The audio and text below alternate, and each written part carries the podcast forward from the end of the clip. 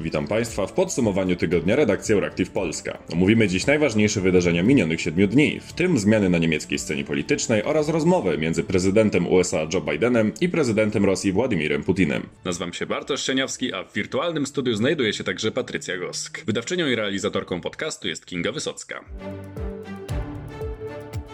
Kampania przeciw homofobii i Lambda Warszawa opublikowały raport o sytuacji społecznej osób LGBT w Polsce za lata 2019-2020.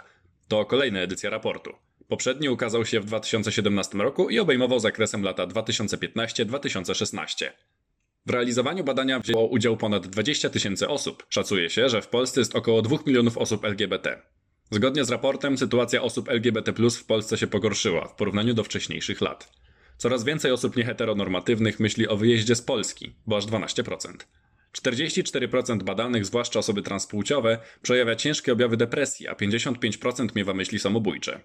98% Polek i Polaków ze środowiska LGBT spotkało się z jakąś formą mikroagresji ze względu na ich orientację seksualną lub tożsamość płciową. 68,5% badanych odpowiedziało twierdząco na pytanie, czy padło kiedykolwiek ofiarami przemocy. Badania wykazały, że nawet najbliższa rodzina osób LGBT przejawia coraz większe oznaki nietolerancji i braku akceptacji. 10% osób, które wyjawiło rodzinie swoją odmienną orientację lub tożsamość płciową, zostało wyrzuconych z domu. 20% zmuszone było z niego uciec.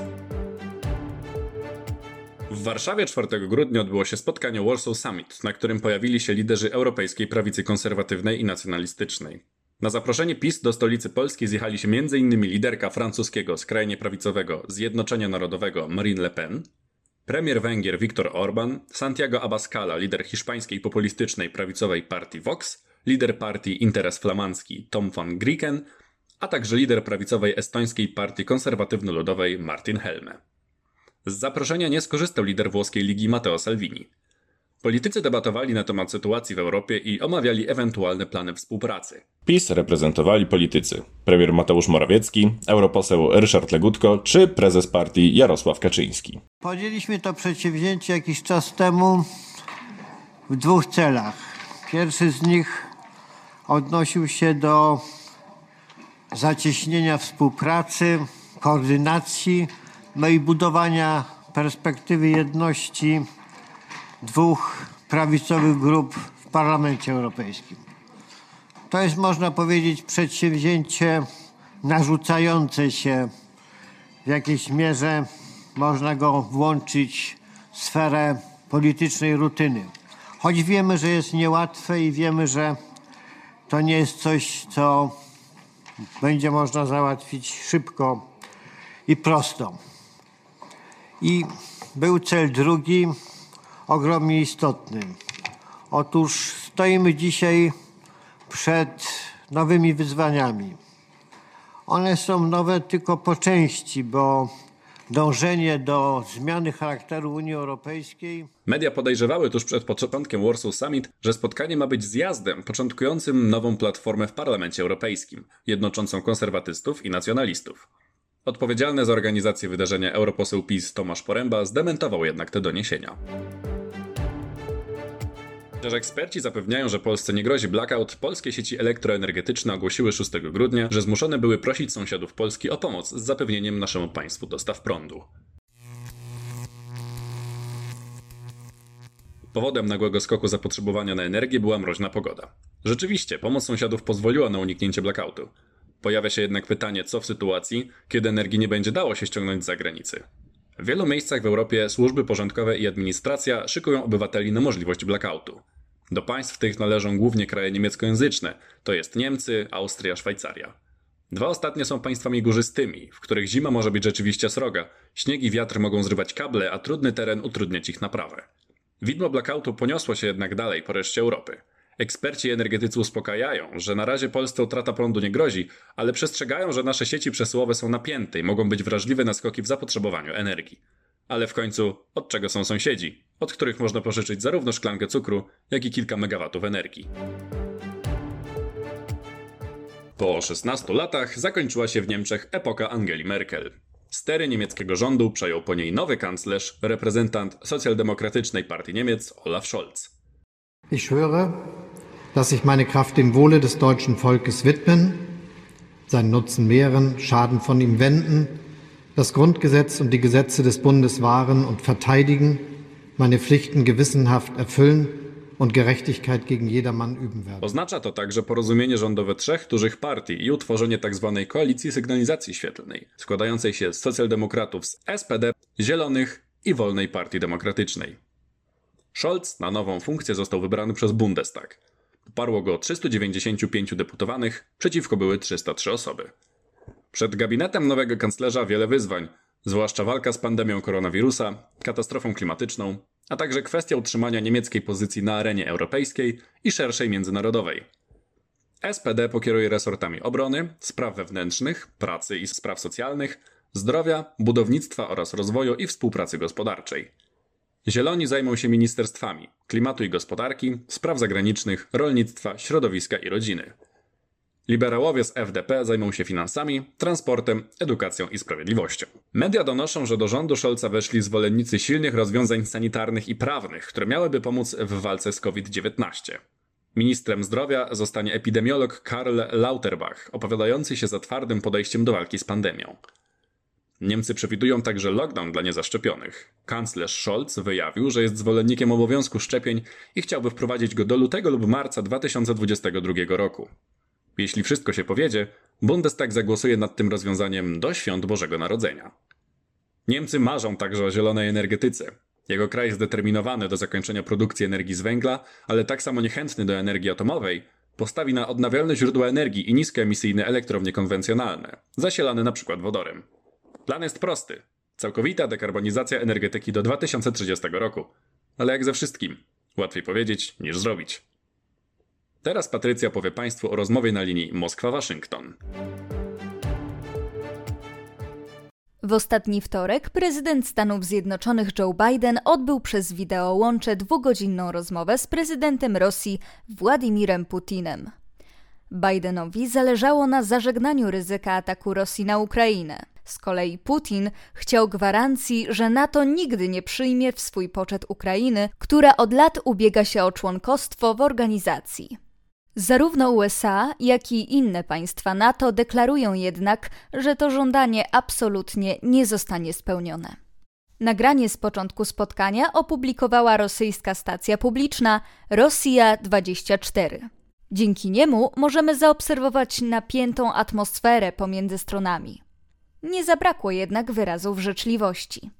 Rozmowa, jakkolwiek nie znamy jej pełnego przebiegu, raczej nie przyniosła jednak przełomu, jeśli chodzi o sytuację Ukrainy i deeskalację napięcia między Kijowem a Moskwą. Stany Zjednoczone wielokrotnie podkreślały swoją chęć dyplomatycznego rozwiązania sporu, a jednocześnie ostrzegały przed konsekwencjami potencjalnego ataku. Z oświadczenia doradcy Białego Domu do spraw bezpieczeństwa Jake'a Sullivana wynika, że Biden otwarcie powiedział prezydentowi Putinowi, że jeśli Rosja dopuści się kolejnej inwazji na Ukrainę, to Stany Zjednoczone i nasi europejscy sojusznicy odpowiedzą stanowczymi środkami gospodarczymi. Sullivan powiedział także, że Biden obiecał ponadto zaopatrzyć Ukrainę w dodatkowe środki obrony, ponad te, które USA dostarcza już teraz, i wzmocnić wschodnią flankę NATO celem zapewnienia państwom regionu zdolności odpowiedzi w przypadku eskalacji. Nie wykluczył przy tym możliwości wzmocnienia krajów wschodniej flanki sojuszu przez dodatkowe amerykańskie siły. Staramy się działać poprzez kanały dyplomatyczne, tym niemniej przygotowujemy się na wszystkie możliwe scenariusze. Oświadczył. President Biden was direct and straightforward with President Putin, as he always is. He reiterated America's support for Ukraine's sovereignty and territorial integrity. He told President Putin directly that if Russia further invades Ukraine, the United States and our European allies would respond with strong economic measures. We would provide additional defensive materiel to the Ukrainians above and beyond that which we are already providing. And we would fortify our NATO allies on the eastern flank with additional capabilities in response to such an escalation. He also told President Putin there's another option de escalation and diplomacy. The United States and our European allies would engage in a discussion that covers larger strategic issues, including our strategic concerns with Russia and Russia's strategic concerns. We managed to do this at the height of the Cold War, and we developed mechanisms to help reduce instability and increase transparency. We've done this in the post Cold War era through the NATO Russia Council the OSCE and other mechanisms. There's no reason we can't do that forward, going forward, provided that we are operating in a context of de escalation rather than escalation. Rosyjska agresja zagrozi także współpracy energetycznej z Niemcami. Asystentka sekretarza stanu USA i szefowa Biura do Spraw Europy i Eurazji w Departamencie Stanu, Victoria Nuland, ostrzegła, że w przypadku ataku Stany będą oczekiwać zawieszenia funkcjonowania gazociągu. Mowa tutaj o Nord Stream 2. Kreml wydał oświadczenie w sprawie spotkania. Określił w nim atmosferę wtorkowej rozmowy jako szczerą i rzeczową. Władimir Putin podkreślił, że nie powinno się obarczać odpowiedzialnością Rosji, gdyż to NATO podejmuje niebezpieczne próby podporządkowania sobie terytorium Ukrainy i wzmacnia potencjał bojowy przy naszej granicy. Dlatego Rosja oczekuje wiarygodnych, prawnych gwarancji, wykluczających rozszerzenie NATO w kierunku wschodnim i rozmieszczanie w sąsiadujących z Rosją państwach ofensywnych systemów uderzeniowych. Czytamy w oświadczeniu. Kreml poinformował, że negocjacje dotyczące kwestii wrażliwych mają odbyć się za pomocą przedstawicieli. Kilka godzin przed spotkaniem Kijów zarzucił Rosji wysyłanie czołgów i snajperów na terytorium Donbasu. Działanie to określono jako prowokację. Amerykański wywiad nie jest jednak w stanie zweryfikować tych doniesień, co przyznał jeden z urzędników amerykańskiej administracji w rozmowie z agencją Associated Press. Rzecznik Kremla Dmitrij Pieskow odmówił skomentowania podanych przez Ukrainę informacji. Odsyłał za to dziennikarzy do Ministerstwa Obrony, które nie udzieliło natychmiastowej odpowiedzi. Prezydent Ukrainy Wołodymyr Zełenski wydaje się mieć zadziwiająco silną wiarę w możliwości ukraińskiego wojska, wysokie zdolności i dobrze zorganizowane siły. Jest pewna swojego potencjału i zdolna zniweczyć wszelkie ekspansjonistyczne plany wroga. Tak właśnie określił Armię Krajową. Ukraińscy żołnierze kontynuują realizację swojej najważniejszej misji, jaką jest ochrona wolności i suwerenności państwa od rosyjskiego agresora. Podkreślił podczas wizyty w pobliżu strefy konfliktu. Tego samego dnia Zełęński rozmawiał przez telefon z sekretarzem stanu USA Antonym Blinkenem, który zapewnił ukraińskie władze o pełnym poparciu Waszyngtonu dla Kijowa. Prezydent Ukrainy poinformował za pomocą Twittera, że wspólnie z szefem amerykańskiej dyplomacji porozumieli się w sprawie kontynuowania wspólnie określonych działań. Cała sytuacja eskaluje dość szybko. Kto wie, co przyniosą kolejne negocjacje. To już wszystko w dzisiejszym wydaniu podsumowania tygodnia Euractiv Polska. Dziękujemy za spotkanie i w imieniu całej redakcji życzę Państwu udanego weekendu. Do usłyszenia za tydzień.